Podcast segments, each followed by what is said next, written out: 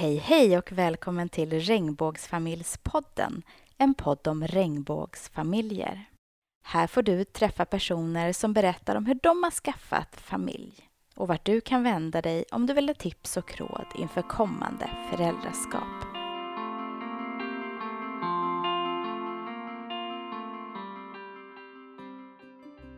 I det här avsnittet träffar jag Helena och min egen sambo Elin. Vi pratar om hur det är att vara den mamman som inte har burit barnet. Hur är det med förväntningar från samhället och anknytningen till barnet? Och hur är det med bemötandet från vården? Vem är Elin? Elin är en eh, norrlänning, född och uppvuxen i Umeå, som har bott i Stockholm de senaste tio åren. Jag känner mig något ambivalent, men eh, 37 år. Lever tillsammans med min sambo Maria, vår snart tvååriga son. Och Helena? Helena är 33 nästa vecka och eh, kommer egentligen från Dorotea, ett samhälle som ligger 20 mil inåt landet från Umeå. Eh, bor i Umeå sedan tio år tillbaka med min sambo Jenny och vår hund Leia. Mm, härligt. Och idag ska vi prata om att vara den andra mamman, den som inte har burit barnet. Eh, så Elin, hur berättar man för andra barn att det är två mammor? Jag tror att för att berätta för barn behöver man egentligen inte göra utan man säger att det finns två mammor. Att, liksom, att min son har två mammor. Och då brukar det, min erfarenhet i alla fall, det är att barnen brukar fråga sig, men ha och vad heter ni? Och så, så är det som inget mer. Möjligtvis att när man kommer upp lite grann i åldern att de frågar och undrar lite mer. Eh, men annars så har barn varit så otroligt enkla att göra med. Eh, och sen fördelen, tror jag i alla fall, att bo, kanske inte just precis i Stockholm, men att bo i det område i Stockholm som jag bor på, på Söder, så är man ju väldigt gayvänlig överhuvudtaget. Det är ju, det är ju lite av ett gaymecka, eller hur man nu ska uttrycka det. Så att där finns det, finns det så många eh, barn med, med andra familjekonstellationer redan. Så det, finns en, det finns en öppenhet redan från förskola och andra föräldrar och barn och så. Så det är väldigt tacksamt. Och med ödmjukhet för att det inte är så på alla ställen i, i landet. Eh, om man tittar på eh, frågor typ som att varför bar du inte barnet och så? Har du fått ta emot sådana frågor? Ja, där har man väl fått frågan och, och, och absolut. Och ja, lite skämtsamt så här, klunsan i vem som skulle bära eller hur gick det till? Och det är nog många som vill veta hur man beslutar sig för att inte bära eh, snarare än att besluta för att bära. Eh, så att eh, där har, det, där har det varit en del frågor och så, men, men eh, för oss har det varit så naturligt eftersom att jag har känt att jag inte har velat bära. Jag har aldrig haft den längtan. Så i vår familj så var det väldigt, ett väldigt enkelt beslut och eh, jag känner ju en tacksamhet över att jag också hittade någon som ville bära. Som jag ville bilda familj med som också ja, ville bli förälder, ville bära. Hur har ni resonerat, Helena, kring vem som skulle bära och inte? För oss var det ju ganska lätt eh, då jag eh, var tvungen att operera bort min livmoder för några år sedan. Vilket innebär att jag inte kan bära barn. Eh, och då när jag träffade Jenny så var hon väldigt... Hon var lite så här från början att ja men bara så du vet så planerar jag att skaffa barn. Hon hade planerat att skaffa barn själv. Um, och jag var väl i samma sits. Jag kände att ja, men jag, vill ju, jag vill också ha barn. Eh, så då hoppade jag på det tåget. Så, så att... Ja, vi hade, vi hade inget val riktigt. Hade jag kunnat bära så skulle jag vilja ha testat det såklart, om det hade gått ändå. Um, och då tror jag att vi kanske hade delat upp det så att, att man kanske bär ett barn var eller någonting sånt. Mm. Um, om man tänker på den känslan då att, att att vara den andra mamman och inte kunna, hur har det känts för dig? Lite både och. För jag har alltid, alltid ja, man, har ju, man växer upp som flicka och jag växer upp som en flicka som har tänkt att jag kommer att bära barn. Det har man ju haft med i huvudet hela livet. Ehm, um, så, samtidigt som jag varit livrädd för just förlossningen.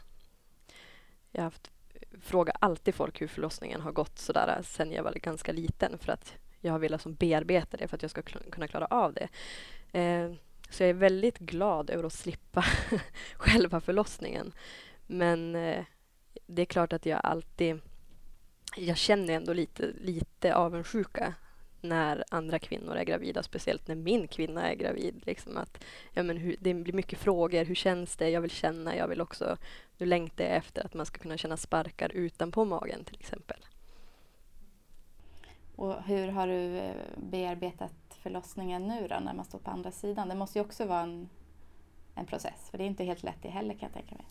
Nej, jag pratar ju med väldigt mycket vänner som med, med killar då som har blivit pappor ganska nyligen och frågar ju jämt liksom, men hur, hur blir du bemött av personalen och på vilket sätt känner du att du kunde hjälpa till på bästa sätt och blev du stressad, hur mådde du? Jag tror att jag kanske har lagt mer fokus på att fråga till exempel min systers pojkvän hur det var för honom för att jag vill veta vad jag kommer att ge mig in i på något sätt så att jag är förberedd. Um, jag tror ibland att det kan kännas jobbigare för den som inte är eh, just i, i det skedet att man ska föda. För eh, jag tänker att jag kommer känna mig ganska, inte, inte värdelös, men man vill kunna hjälpa till på något sätt. Och jag kan ju inte hjälpa till rent liksom och krysta och, och ta över smärtan så. Eh, utan då försöka fokusera mer på att vad kan jag hjälpa till så att det blir lättsamt för Jenny under förlossningen. Eh, men det är mycket tankar kring just förlossningen just nu. Faktiskt.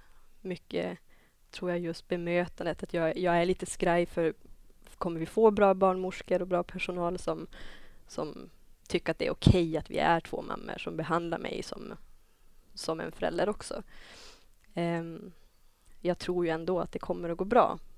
Men man har ändå små orostankar. Elin, du har ju ganska nyligen då gått igenom en förlossning och varit på den andra sidan. Hur upplevde du det? Ja, men det är ju läskigt. Ja, men alltså någonstans vara hjälplös, för det är man ju. Och, och vad kommer man att få för bemötande? Det är ju en del. Eh, sen när man väl var där så, så tänkte jag inte mycket på det. Det var inte... De fanns liksom Därför jag sitt jobb. Jag sket i vad de tyckte om mig. Det var bara, gör det ni ska. Men, men jag var ju väldigt lycklig över att de här, att man fick komma och ja, men, mäta och väga och klippa navelsträngen och sådär. Så på det sättet så blev man ju inbjuden till att vara en del av både förlossningen och det lilla livet som kom. Um, sen så Nej det är ju mäktigt. Alltså det är ju en helt fantastisk upplevelse. Så jag eh, hoppas verkligen att du kan eller att ni tillsammans kan komma över pucken av att, av att känna rädsla. Och, för det, det förstår jag, har full förståelse för att det, man är där. Och det tycker jag är bra att du pratar med andra som kan stötta. Um, men ja, det är väl just den här hjälplösheten och, och, att, att se att någon har ont och inte kunna göra någonting åt det. Och den kvinnan är den man älskar mest i hela världen. Och sen ska det komma ett liv som man kommer att älska. Inte mer, men nästan. ja.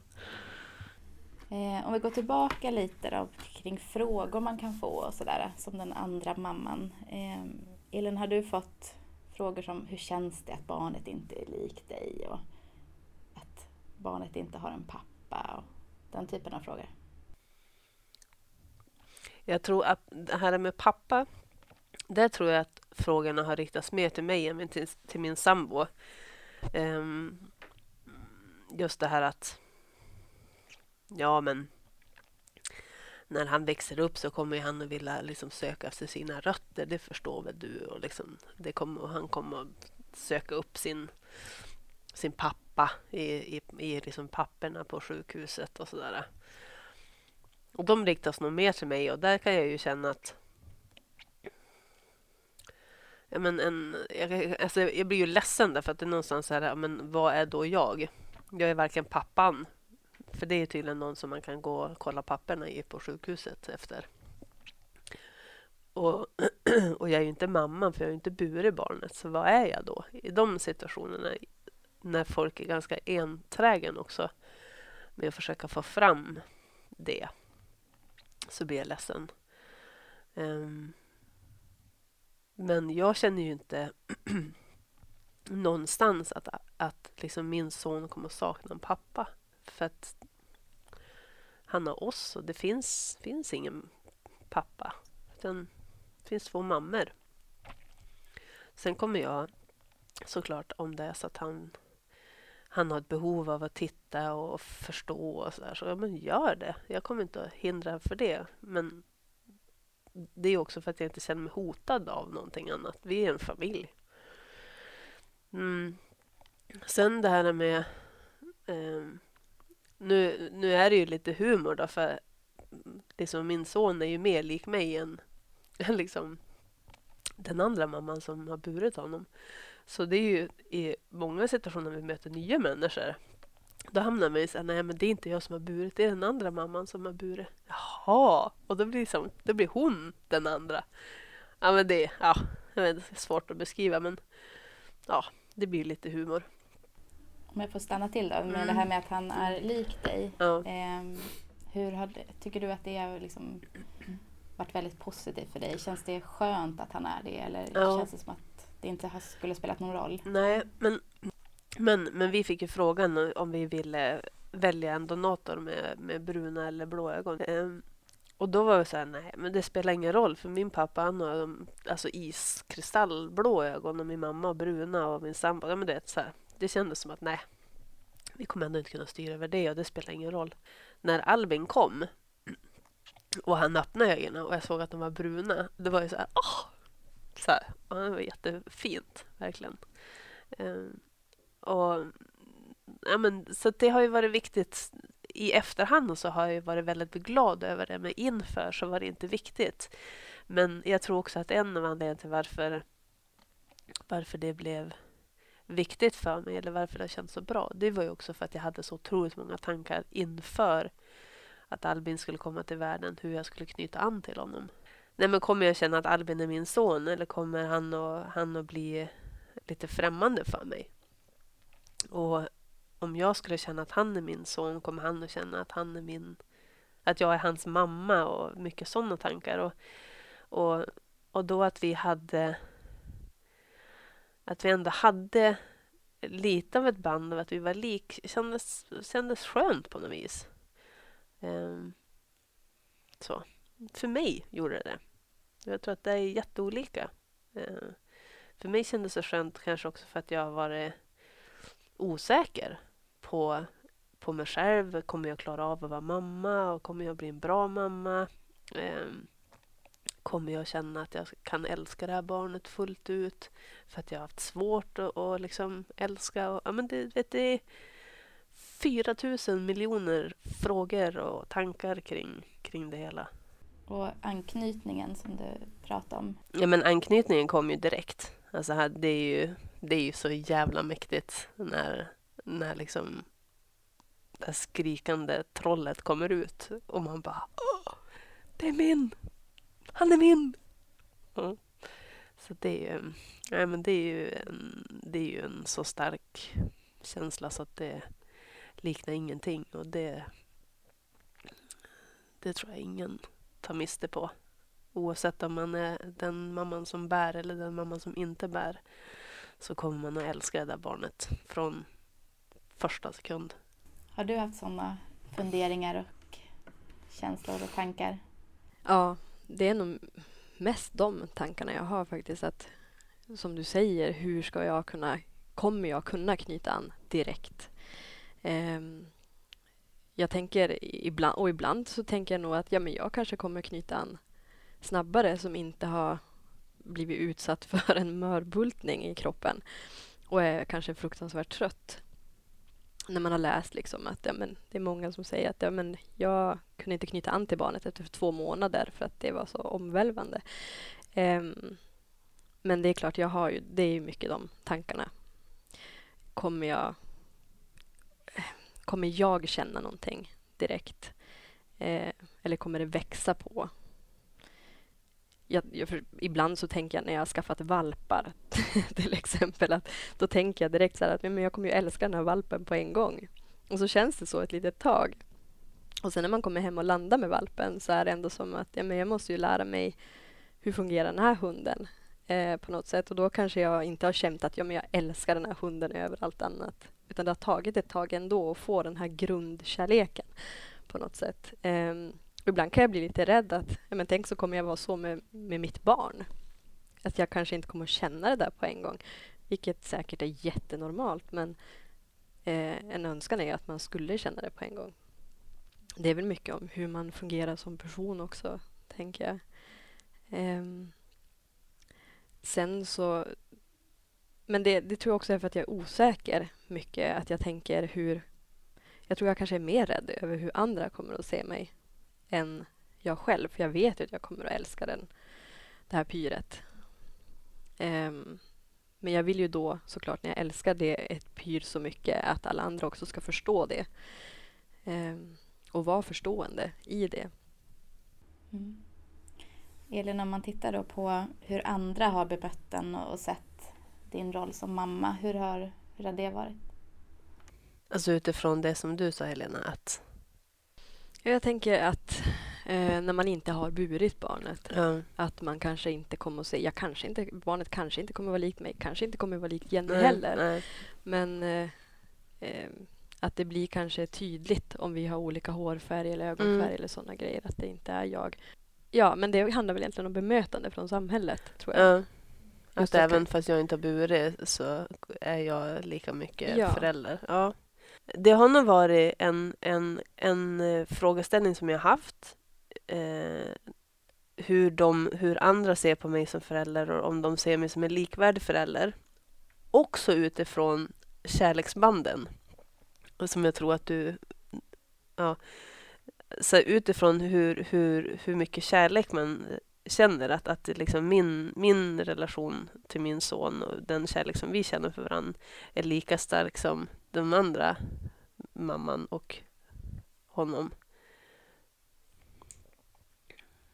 Jag tror att det är svårare för vissa och för vissa är det mycket enklare. Jag tror att, att de som har enklast för det, det är ju såklart de som själv har barn i, i samma typ av familjekonstellation. För dem är det ju inget inget tvivel. så. Men, men eh, jag tror för många andra så kan det nog vara inte riktigt lika självklart att det är så starkt. Att man kan känna så starkt. Mm. Om man tittar på bemötandedelen då. Eh, hur har det varit? Jag tänker att eh, mamman som har burit barnet ammar, har det här lilla pyret liksom nära sig hela tiden och man träffar vänner eller folk på stan och sådär. Hur har det känts att vara kanske lite utanför det? Ja, men det var, det var tuffare tror jag när han var liten. Liksom, när, när, just vid amningen och när det var så himla tydligt att jag inte kunde göra allt. Och Albin tog aldrig flaska eller sådär så att det var liksom det fanns, jag kunde liksom inte vara en aktiv del även om jag, även om jag ville. Så att det blev liksom alla blöjbyten och alla ombyten och alla liksom såna här trökiga saker. Det fick jag göra. Eller fick och fick, jag gjorde det med glädje. Liksom det var, mm. Nej, men det blev ju helt klart lättare när han blev äldre. När vi kunde leka, när vi kunde kommunicera, när vi kunde göra saker tillsammans som inte bara handlade om mat, sova, blöjbyte och sådana saker. Definitivt. Och då blev det kanske också enklare för andra att förstå att jag var också en förälder. Ja, men, ja det kan jag nog tänka mig. Och varför valde ni att åka till Danmark? Eh, vi valde att åka till Danmark för eh, att köerna är så långa i Sverige. Och I och med att Jenny då är 37 nu, eller var 37 nu, när vi gjorde inseminationen eh, och vi fick höra att det var ungefär ett och ett halvt till två års väntetid. Och då hade hon varit runt 39. Och när man är över 39 så får man inte göra insemination i Sverige. Eh, och i Danmark då var det i princip kom nu om ni vill. Om man tittar på det här med graviditeten. Eh, har du också fått grattis, vad roligt att ni väntar familj eller har det varit liksom att man tittar på Jenny och säger grattis? Det där är ju så himla olika och eh, i, eh, bland mina vänner och mina arbetskollegor, för de har som fått följa med på hela resan i och med att vi har tagit mycket ledigt från jobb och sådär för att åka ner till Danmark så har ju alla varit jätteglada. Eh, och då är det ju mig de träffar så de är ju superglada och, och jag tvivlar inte ett dugg på att de ser mig som lika mycket förälder. Um, men sen när man kommer på släktträffar och såna här grejer tror jag beror på vem släktträff man är på. När vi har varit på släktträffar mer på Jennys sida då eh, har jag faktiskt reagerat på att ja, men de kommer ju fram till henne och så sitter jag bredvid och de grattar henne och liksom klappar på magen och sådär medan jag sitter där och faktiskt har blivit lite förbannad över att men hallå, jag är också här. Eh, men många i hennes familj såklart, kanske de som känner oss närmast har ju då också kommit och kramat mig nu på slutet. Eh, och i min, min, familj så, vi har inte hunnit träffa dem så mycket men eh, de har ju grattat mig. Men det är för att det är jag som har haft kontakt med dem. Och då tänker jag att det kanske inte egentligen är så stor skillnad på om, om jag skulle ha varit en man med spermier som har kunnat hjälpa till på ett annat sätt i den processen så kanske det ändå hade varit så att de hade omfamnat Jenny såklart först och främst för att det, det, ja, de till, hon tillhör dem på något sätt. Men jag har blivit förbannad eh, över det. Men tror ni att det skulle vara skillnad om, om ni var en man? Tror ni att ni skulle få mer gratulationer då? Eller tror ni att det är just det här att man ser den här magen och att det blir mer tydligt att gratta den personen? Jag grattar ju alltid. Alltså jag, jag tittar ju till mig själv och tänker att jag grattar ju alltid båda två, speciellt om de står bredvid varandra. Mm. Men, eh, och det är väl det jag kan känna att vissa absolut inte har gjort.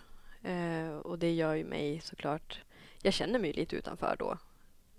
Samtidigt som ja, men alla är inte som jag heller. Det är inte säkert att... Jag, jag kan inte veta 100% säkerhet att om jag hade varit en man och pappan till barnet så hade de grattat mig. Det vet jag inte. Så på något sätt så känner jag mig lite kluven i, i det. Men... Eh... Ja, å andra sidan så känner jag också så här, nu bara spontant tänker att, att det kanske inte är så himla lätt heller. Vi sitter här och nu och, och liksom funderar kring vår roll och, och, hur mycket lättare, eller jag kan ju bara tala för mig själv, men du pratar ju också om framtiden, att då blir det lättare. Det kanske inte är så himla lätt heller för omgivningen att, att förstå hur de ska bemöta. Liksom hur, hur, hur, hur ska de tänka? Vad, vad, vem är vi då egentligen? Alltså det biologiska är ju så himla starkt i, i liksom så många. Eh. Ja, nej, bara spontant slog mig. Mm. Jag, jag funderar lite grann över det där. Eh, jag pratar mycket med Jenny om det. Eh, att om vi båda hade adopterat ett barn då hade vi varit i precis samma situation. Eh, och hade, vi, hade jag då varit en man eller kunnat göra henne gravid på något sätt rent genetiskt då hade vi också varit i samma situation. Att det blir som en det, blir, det är redan lite ojämställt, eh, om ni fattar mig rätt. Att jag, jag har inte liksom bidragit med gener, jag har bidragit med pengar och energi och liksom en längtan har jag bidragit med. Um, och det är nog som du säger att det är inte så himla lätt för samhället att förstå det alla gånger. För det, det är ju inte normen på något sätt. Och det är inte alla som har stött på regnbågsfamiljer. Um, så att även om de inte säger grattis behöver det inte betyda att de inte accepterar eller tycker att det är okej. Okay. Um, det kanske bara är mer deras osäkerhet på något sätt. Om man tänker på sårbarhet och, och vad man känner när, när barnet kanske har valt den biologiska mamman. Eh, Elin, vad, vad, hur har det varit? Eller har det aldrig hänt? Nej, precis. Aldrig. Jag har alltid varit nummer ett. Eh, nej, men det har ju varit skittufft. Alltså det, för min del så har det, har det varit jätte, jättejobbigt. Eh, jag har många gånger känt att jag ja, men rent eh, rap rakt på sak, öppet och ärligt, så har jag väl känt att jag inte haft ett barn. Att han inte varit min son. Inte för att jag inte älskar honom, jag älskar sönder den. Eh, så det har ju såklart varit tufft och där har ju varit en, en, en resa, mycket också utifrån ja, men att, att känna sig så säker i sig själv att, att man inte tar saker och ting personligt. Vilket jag tror på många sätt har varit min största utmaning. Eh, det låter ju såklart kanske märkligt att man tänker att ett litet barn på något sätt skulle göra någonting för att vara elakt och det är verkligen inte det jag säger. Han, han gör ingenting för att vara elak men, men min osäkerhet har ju fått fritt utrymme vissa perioder där han ja, men har behövt sin, sin mamma. Um, och där tänker jag att det är säkert så många i, i den, andra, den andra positionen tänker. Vare sig man är den andra mamman eller pappan eller den andra pappan eller vad man nu än definieras som. Står man på sidan av. Som du pratade om det här med att det finns en ojämställdhet redan från början på något vis. Ehm, men det var det jättetufft. Det var det gången när jag har liksom inte, jag har inte orkat vara med honom ens en gång. Det har gått liksom en, en kväll där jag, liksom, jag, har inte, jag, har inte, jag har inte orkat. Liksom. Därför att det är så otroligt smärtsamt att känna att man vill så krama och han... Eller man vill vara den som byter blöja och det går åt fanders. Eller ja, men okej, men jag, jag fixar mat. Nej, jag ska inte ha någon mat. Eller han gör sig illa och man vill trösta och han ska bara springa till liksom, den andra mamman. Um, och de perioderna har varit jobbiga. Hur har du tacklat de perioderna? Eh, med eh, gråt, med frustration, med ilska. Eh, sen har jag pratat med min sambo jättemycket eh, om det och försökt liksom hitta ett lugn i, i att det här är perioder alltså första året så är det ju väldigt mycket perioder. Alltså en period kan ju, ett beteende kan ju förändras från en dag till en annan och det gör det gärna och ofta. Men, eh, nej, men prata mycket om det och så sen eh, det kom väl som till en punkt också där jag efter, efter att ha känt som frustration så bara, nej för fan, jag ska, jag, ska, jag ska se till att du inte kan välja bort mig.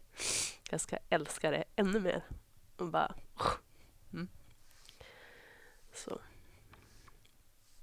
Har ni pratat om sånt eller är det för tidigt? Nej, jag har nog pratat om sånt redan innan vi började, eller under processen.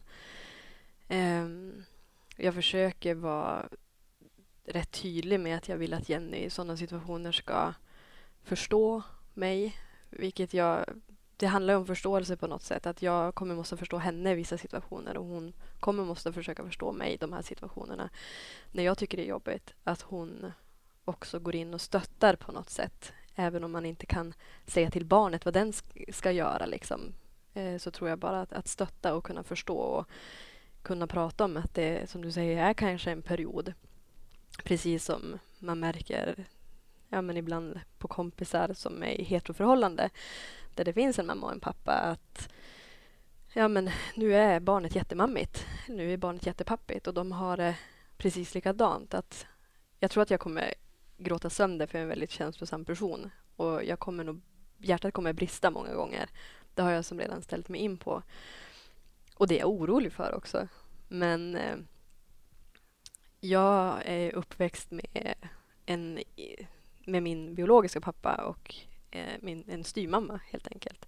Och hon har barn sedan tidigare eh, som har barn så att jag är moster till några kids där ute. fast vi hör inte ihop genetiskt. De barnen har ju alltid sett upp till mig och det har varit moster, moster, moster.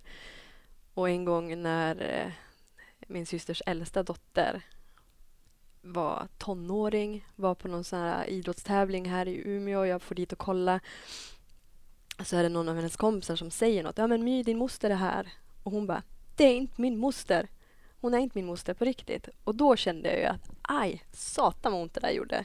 Jag blev skitledsen. Um, och det där gick ju över för både mig och för henne. Och vi är ju fortfarande jättenära. Så att Eh, jag har själv sagt till min styvmamma, ah, men du är inte min mamma.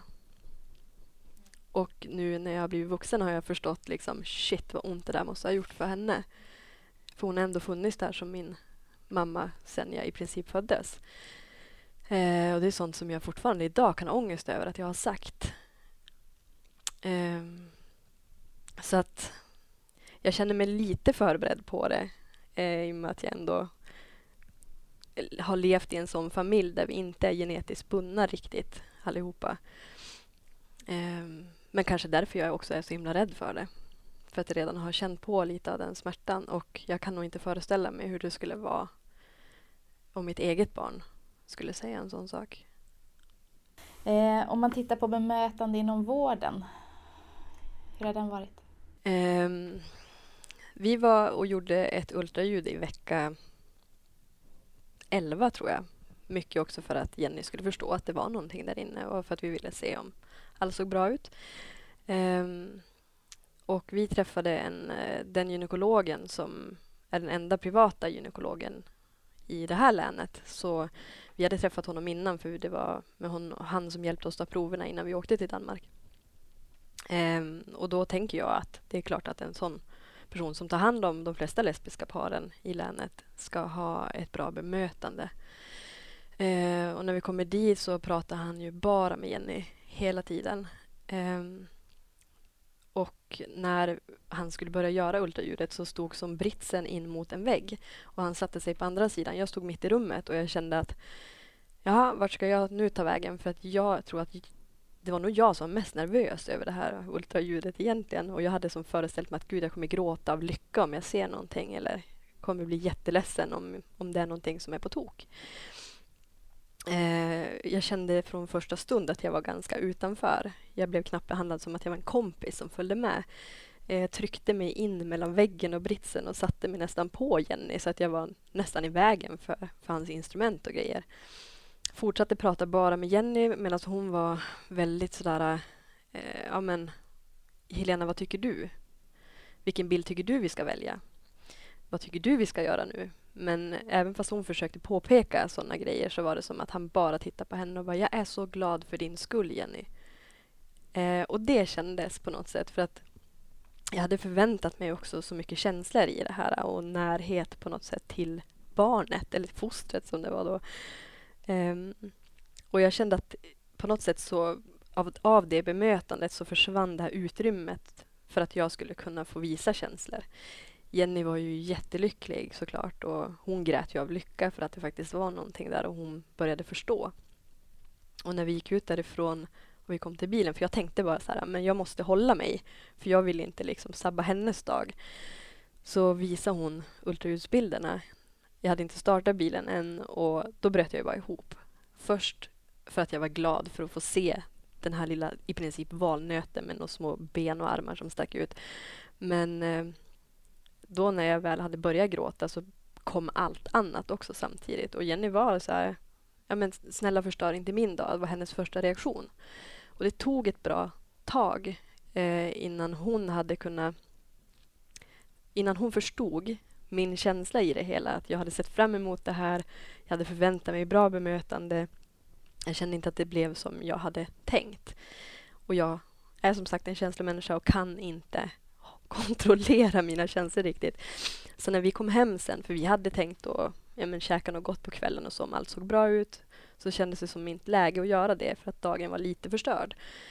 Eh, då pratade vi mycket om det och då var hon så här, ja, men det är ju Helena, det är dig jag skaffar barn med.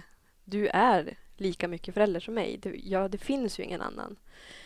Och bara när hon sa det så kunde jag som till slut gå tillbaka i någon grundtrygghet att ja men det är ju så, det är vi som gör det här tillsammans och jag ska inte försöka bli påverkad av vad någon annan tycker eller hur någon annan bemöter mig. Så men eh, jag kände bara, aha det här är en försmak bara på vad som komma skall och kände mig nog ganska uppgiven. Sen har vi träffat eh, läkare och barnmorskor som har varit nästan tvärt emot, att de har tittat på mig mer för att kanske känna, att de känner att de vill ha ett så bra bemötande som möjligt. Eh, senast i förrgår träffade vi en läkare och när han sa ja, du är gravid Jenny. Hon bara ja, vi är gravida. Så pekade hon på mig. Så sa han, ah vad bra. Och ni har en under, underbar tid framför er och liksom börja prata och titta jättemycket på mig. Så han var ju... Och då blev jag ju lycklig och då känner man ju ändå hopp om mänskligheten. Ehm, men jag blev ändå lite besviken att en, eh, en gynekolog som, som kanske är en av de få som får hantera hbtq-personer faktiskt kanske inte har utbildning i det. Just att kunna tänka på bemötandet och jag önskar ju att jag funderar på att ringa till RFSL liksom i Umeå och höra, har ni varit och utbildat på den, det, det stället och sådär just för att det kommer ju fler, han kommer ju möta fler kvinnor framför allt då, som vill skaffa barn. Vi har ju blivit väldigt bra bemötta. Um, men än en gång, alltså det är ju det, är det här också som, som speglar vårt avlånga land på något vis. Att, eh, att våra erfarenheter är så pass olika. Hur känner ni inför förlossningen? Är det samma typ av oro du känner där? Mm. Jo, men det är det. Det är viktigt för mig att känna mig likvärdig med Jenny. Um, mycket tror jag för att jag kan ju oroa mig liksom när man hör folk berätta att ja, men herregud Helena, du kommer inte få hålla i barnet på de första timmarna. Liksom, för den ska ligga på Jennys bröst och mjölken ska gå igång och hon ska kanske sys och behöver barnet där. Um, när jag egentligen känner att men gud, tänk så kanske jag som behöver liksom ha den där närheten ganska snabbt för att jag ska kunna knyta an. Eller så, är, eller så känner jag inte så. Jag kanske ändå känner det. Eh, det är så svårt, men jag är ju en person som alltid oroar mig för såna här grejer. Eh, och då är ju bemötanden en av delarna. För jag tänker att Jenny kommer inte vara i sina sinnesfulla bruk såklart under förlossningen att hon kommer kunna stötta mig på det sättet utan då får jag bara skärpa till mig och inte försöka ta det personligt. Eh, och fokusera på att det är vi som är där och jag ska hjälpa henne att göra sitt jobb på något sätt. Eh, men det skulle ju underlätta oerhört mycket eftersom det är en känslosam situation på många sätt. Om personalen skulle behandla mig precis som de skulle behandla vilken annan medförälder som helst. Hur är dina erfarenheter av det, Elin? Nej, men goda. Alltså, som sagt var, jag kände mig verkligen som en medförälder när vi kom. och så där. när vi mm, kom till BB först och innan, innan själva förlossningen och sådär. Absolut, definitivt. Men också som sagt var när när, när det väl var förlossning och då var det så här, gör ett jobb och så är jag nöjd med det. Men det var ju också så här, eh, apropå det här med att ligga på bröstet, det var ju såklart mycket det från början.